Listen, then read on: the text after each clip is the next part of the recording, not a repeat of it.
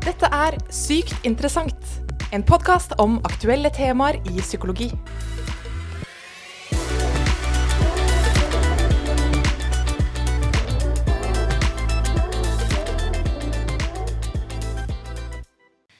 Har du noen gang lurt på hvordan noen mennesker kan gjøre ekstremt kriminelle og voldelige ting? Hva kjennetegner egentlig disse menneskene? Er de gale og psykisk syke? Har de hatt en grusom barndom, kanskje? For å komme nærmere et svar på dette, så har jeg invitert Sara Widsgaard til dagens episode. Velkommen, Sara. Tusen takk. Du, vi kjenner jo hverandre fra eh, Vi tok en master sammen på Universitetet i Oslo eh, i helse, utvikling og samfunnspsykologi. Og jeg husker på avslutningen at vi eh, snakket sammen om din masteroppgave og hva du skrev om. Ja. Og da fortalte du jo at ja, du hadde forsket på personlighet og ekstremisme. Og jeg syns det hørtes veldig spennende ut. Så eh, eh, derfor inviterte jeg deg rett til denne podkasten i dag for å snakke litt mer om det.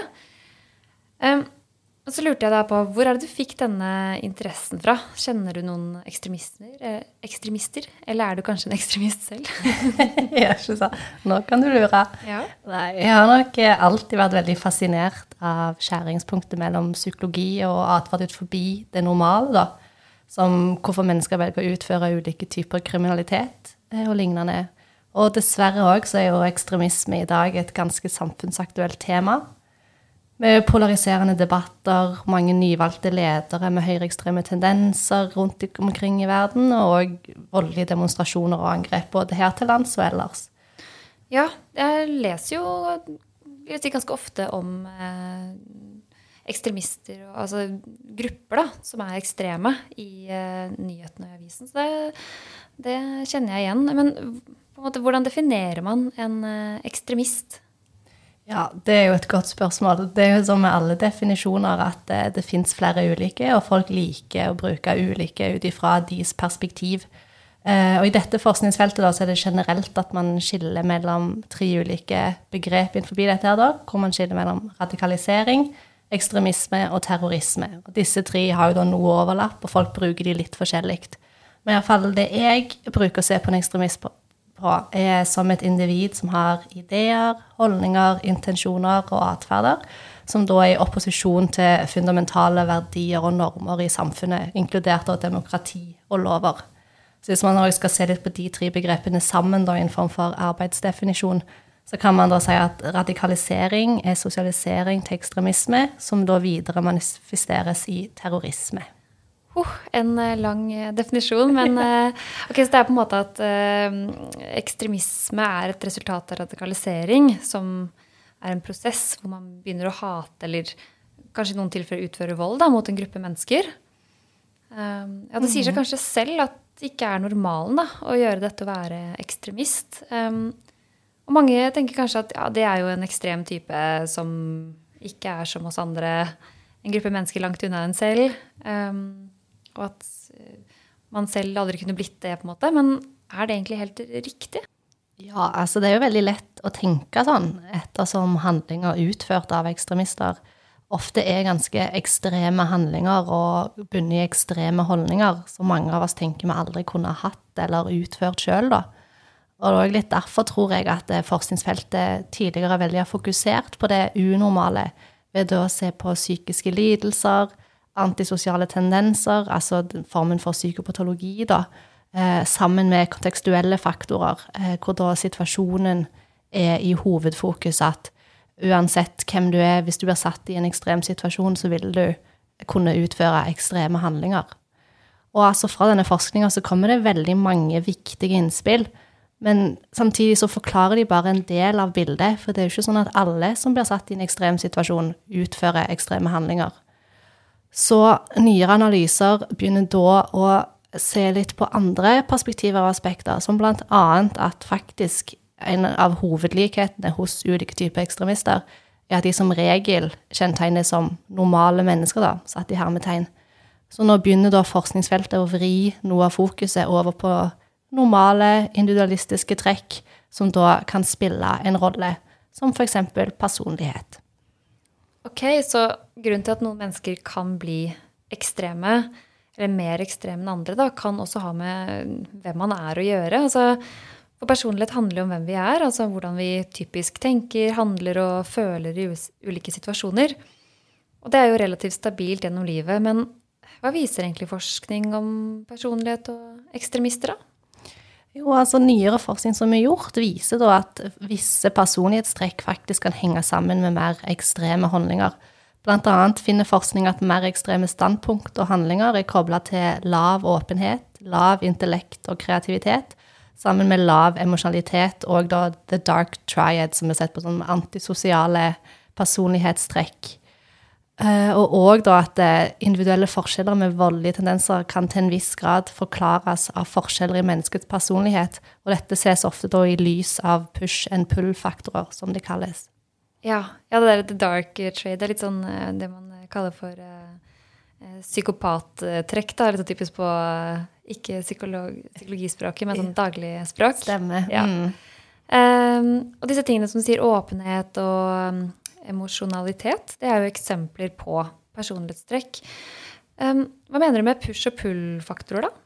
Ja, altså I personlighetslitteraturen så snakkes det veldig ofte om individuelle faktorer eh, som kan gi en push for å da søke ut spesifikke kontekster, som da sammen med pull-faktorer innenfor disse kontekstene skaper et miljø hvor man har lyst å være. For å gi et eksempel, da, så kan push-faktorer være selvselektering basert på personlighetstrekk. Altså at du tiltrekkes ulike grupper eller interesser, hobbyer, pga. Eh, trekker du har. Mm. Og òg da at pull-faktorer involverer overbevisninger, da, som f.eks. at folk i grupper kan overbevise deg om at her er det veldig kult å være, og da Ja. Så det er en blanding av de to, da. Den trekningen der.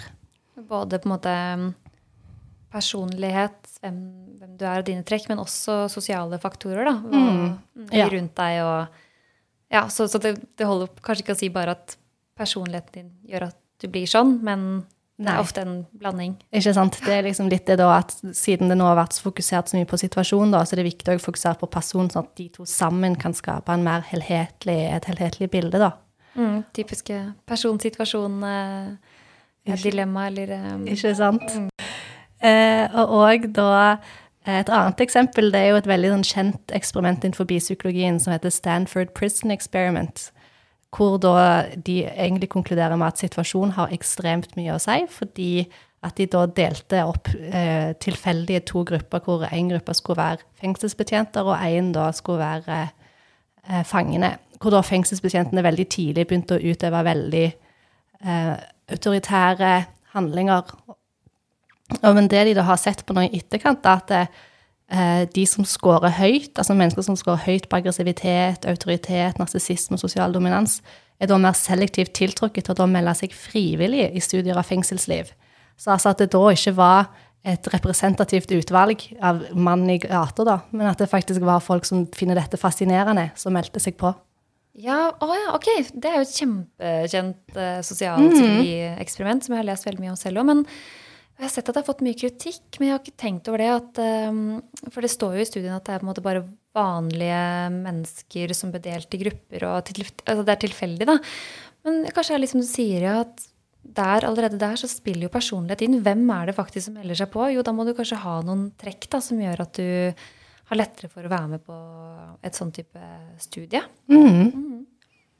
Men dette med personlighet, da. Ut fra det jeg har lært i personlighetspsykologi, så er jo er jo det ganske komplekst og sammensatt. Og det finnes jo så utrolig mange forskjellige typer personlighet og personlighetstrekk. Og da blir det jo også sånn at sammensetningen av ulike trekk Man kan jo bli så mange forskjellige personer. Er det sånn at en ekstremist er bare én eh, sammensetning av mange trekk? Altså er ekstremisten bestående av ett personlighetstrekk, da? Eller hvordan er det?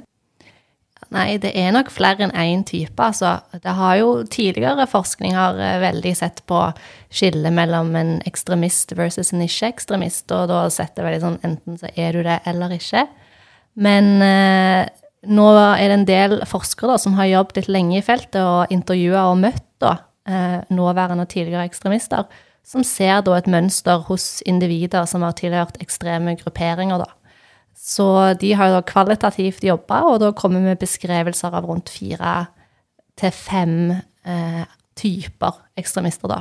Så min masteroppgave gikk jo egentlig ut på å omgjøre disse beskrivelsene til en målbar kvantitativ skala, som da kan brukes i eh, flere settinger, hvor da Vi kom da fram til fem ulike typer ekstremister, og hvordan da disse her ulike fem har ulike personlighetstrekk, eh, ulike roller, sosiale roller de spiller i organisasjonen, og litt hvilke voldelige tendenser de eventuelt har, da. Ok, så ja, du lagde um, Utarbeidet på en måte en ny personlighetsinstrument uh, for å måle ekstremister, og hva Ja, fem ulike typer. Det blir nesten litt sånn som vanlig personlighetsundersøkelse, um, sånn som den Big Five, bare at her så går det spesifikt på ekstremister. Da. Så, så du sier at det fins uh, Man kan på en måte fordele inn i fem hovedtyper? Mm. Ok. Hva, kan du gå litt nærmere inn på hva det er? Hvilke Ja. det er? Altså, disse fem er så også et viktig Denne skalaen er, kalles The Extremist Archetype Scale. Så det er hovedsakelig disse fem arketypene han måler, for å validere han, så har vi brukt personlighet som et mål, da. Eh, Så personlighet kan da være et aspekt av det, men målet er jo da etter hvert at man kan bygge ut disse arketypene med andre sånn ideologier og gruppemedlemskap, tilhørighet og sånt òg, da. Og så òg da, før jeg begynner, er det viktig å poengtere at disse fem de er ikke gjensidig uavhengige av hverandre. Altså, du har ikke kun én, du har gjerne litt trekk av noen, men det er jo det at sånn som på personlighetstrekk, det er ikke sånn at du enten er ekstrovert eller ikke. Det, det Ja. finnes jo ulike grader, da. En dimensjon, på en måte. At du kan, sant. og de fleste er jo kanskje litt sånn midt på, men eh, Mm. mm, ja. Jeg skjønner. Ok, men da kjenner jeg jo at jeg blir veldig nysgjerrig da, på hvilke type ekstremister finnes det egentlig. Og eh, du snakket litt om roller også. Hvilke typiske roller tar de i en gruppe? Så det jeg da fant ut, er at det er fem ulike typer, da. Den første er jo lederen, som da er som en leder i andre organisasjoner. Er gjerne smart, karismatisk, får nye medlemmer, rekrutterer de, gjør seg av mye av planlegginga, og er da typisk ledere personlighetsmessig òg, da, med å være høy ekstroversjon, åpen og eh, emosjonelt stabil, da, og eh, ja, veldig behjelpelige, da, til resten av medlemmene i gruppa. Veldig like trekk som en vanlig leder, det. Mm, det er det. Eh, og har ofte da en sånn ideologisk og politisk overbevisning som de da tar med seg videre og overfører da til andre. Ja. Så har du da eventyreren, som egentlig er mer med i det bare for å få adrenalin og føle seg som en heroisk eh, fighter, da. Så der er det ganske tilfeldig egentlig hvem de velger å slåss for, ut ifra hvor de får muligheten da, til å slåss. Eh, så har du den uh, typiske altså misfitten, da, som han blir kalt for. Altså den som aldri helt har funnet sin plass, og gjerne litt sosialt frustrert og ikke funnet sin tilhørighet. Ofte da hatt en gjerne litt vanskelig bakgrunn med kriminell kompetanse, som da brukes veldig godt i, i denne settingen her, da, hvor de får vist seg fram. Og da veldig kobla denne her da opp imot uh, the dark triad av de personlighetstrekkene der. Ja, det, er, det er kanskje den jeg tenker på som sånn mest typisk eh, ekstremist, da. ja. Det er nok det. Mm. Og det, de er nok en stor del av, av gruppa òg, for det er ulik sammensetning av hvor mange ulike typer som er i en gruppe. Så har du da eh, the drifter, altså den som sklir litt fra gruppe til gruppe ut ifra om de møter deres egosentriske behov eller ikke. Og da er ikke så tett tilhørighet, da, eller har en så tett tilhørighet til gruppa, så da gjerne gjør at de spiller en litt mer sånn perifer rolle, da, for de får ikke så mye tillit i gruppa, eh, som da er forståelig nok, da. Og den siste klassifiseres som en fellow traveler, som jeg har valgt å kalle han, som da betyr mer at de er med av tilhørigheten i gruppa, da. Sammen, samspillet med resten av gruppa og tilhørigheten, og at de gjerne er mer den typen som er beskyttende overfor andre, litt mer emosjonell, ser etter sosial og emosjonell støtte, og da gjerne kan bli radikalisert da, som en konsekvens av å være med i gruppa, fremfor grunnen til at de blir med. da. Så her er det jo litt at eh, hvis det er noen veldig gode ledere og rekrutterere, da, så er jo disse veldig sårbare. Og så spennende. Og jeg tenker jo også at um, denne kunnskapen her og det du fant da i din masteroppgave, må jo være nyttig Det må være et nyttig sånn måleinstrument. Eh, for det må vel være et sånn forebyggende, slags forebyggende tiltak da, å kunne bruke dette her for å forstå eh, ekstremisme bedre, og også hvilke roller de ulike tar. Altså, hva, hva tenker du at det kan brukes til? Ja, for det det håpet er da i samfunnspsykologiens ånd, da, som jeg da har spesifisert meg innenfor. At man kan bruke dette da til forebyggende tiltak. Både for ungdom som er i, eller voksne som er i eh, sårbare grupper, til å bli med i sånn her type aktivitet. Men òg skreddersy intervensjoner mer til deltakere som f.eks. allerede er med. da. For en leder vil jo ikke det samme funke som for en fellow traveler eller for en misfit. Sant? At det er veldig forskjellig hva som vil funke. Da vil det jo funke bedre òg enn at man prøver å dra alle over én kam, da. Og så kan det jo òg brukes f.eks. inn i straffeutmåling, da. Ut ifra hvilken rolle man har, og hvor aktive valg det blir tatt. Eh. Så jeg håper jo at denne her kan Nå er det jo en veldig ny skala, da, så dette er jo bare steg én. At han må jo testes og bli prøvd på ulike ulike grupper, grupperinger og eh, ulike typer ekstremister. Men det er iallfall et veldig spennende, en veldig spennende start, da. Absolutt. Og jeg syns det var veldig spennende å høre at uh, en ekstremist er ikke bare én type person. Det er ikke bare én rolle har, han eller hun har heller. Det, det kan utspille seg på ganske mye forskjellige måter. Um, men hvem er det som kan ta den testen, da? Kan jeg ta den?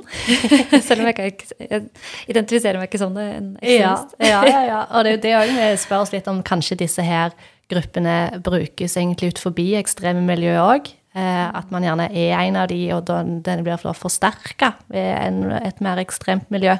Så det er jo eh, Og det er sånn som man ser i Norge òg i dag, selv om man sånn sett lever i ganske fredfullt, demokratisk land, som da tilsier at situasjonen perspektivet da er ikke noe som tilsier at man skal inn i ekstremmiljø her, men det er jo fordi av mennesker som velger det, da. Så det er jo litt å kunne lage en litt mer helhetlig forståelsesmodell da, for hvorfor folk velger å være med i ekstreme grupper. Mm. Jeg tenker det er kjempenyttig og veldig, veldig spennende tema. Um, så nå har vi jo fått litt mer svar på hvorfor noen mennesker kan gjøre ekstreme ting kriminelle og voldelige ting, eh, og hvem som, altså hva som kjennetegner disse menneskene. Og jeg ble litt overrasket over at det, det er ikke nødvendigvis eh, gale mennesker som eh, har opplevd traumatiske ting i barndommen, og som er vidt forskjellig fra en selv. Mm. Det, det må ikke nødvendigvis være det, men at det er en, nok en sammenheng mellom person og situasjon. Da. Det er litt begge deler. Stemmer det? Stemmer. Det er en god måte å si det på. Det sånn som det alltid er, da, at man må ha litt forskjellige innfallsvinkler og perspektiver for å kunne si noe om en, ja, en hel greie. Da. Kan, får man ikke til med å bare nevne én del eller se på én del. Det er jo psykologi i et nøtteskall, det. Ikke det er aldri to streker under svaret. Nei. ok, men uh, tusen takk for at du uh, ville komme og snakke om dette spennende temaet, Sara. Takk for at dere ville ha meg. Så ses vi til neste episode. Du har nettopp hørt en episode av Sykt interessant, en podkast om aktuelle temaer i psykologi.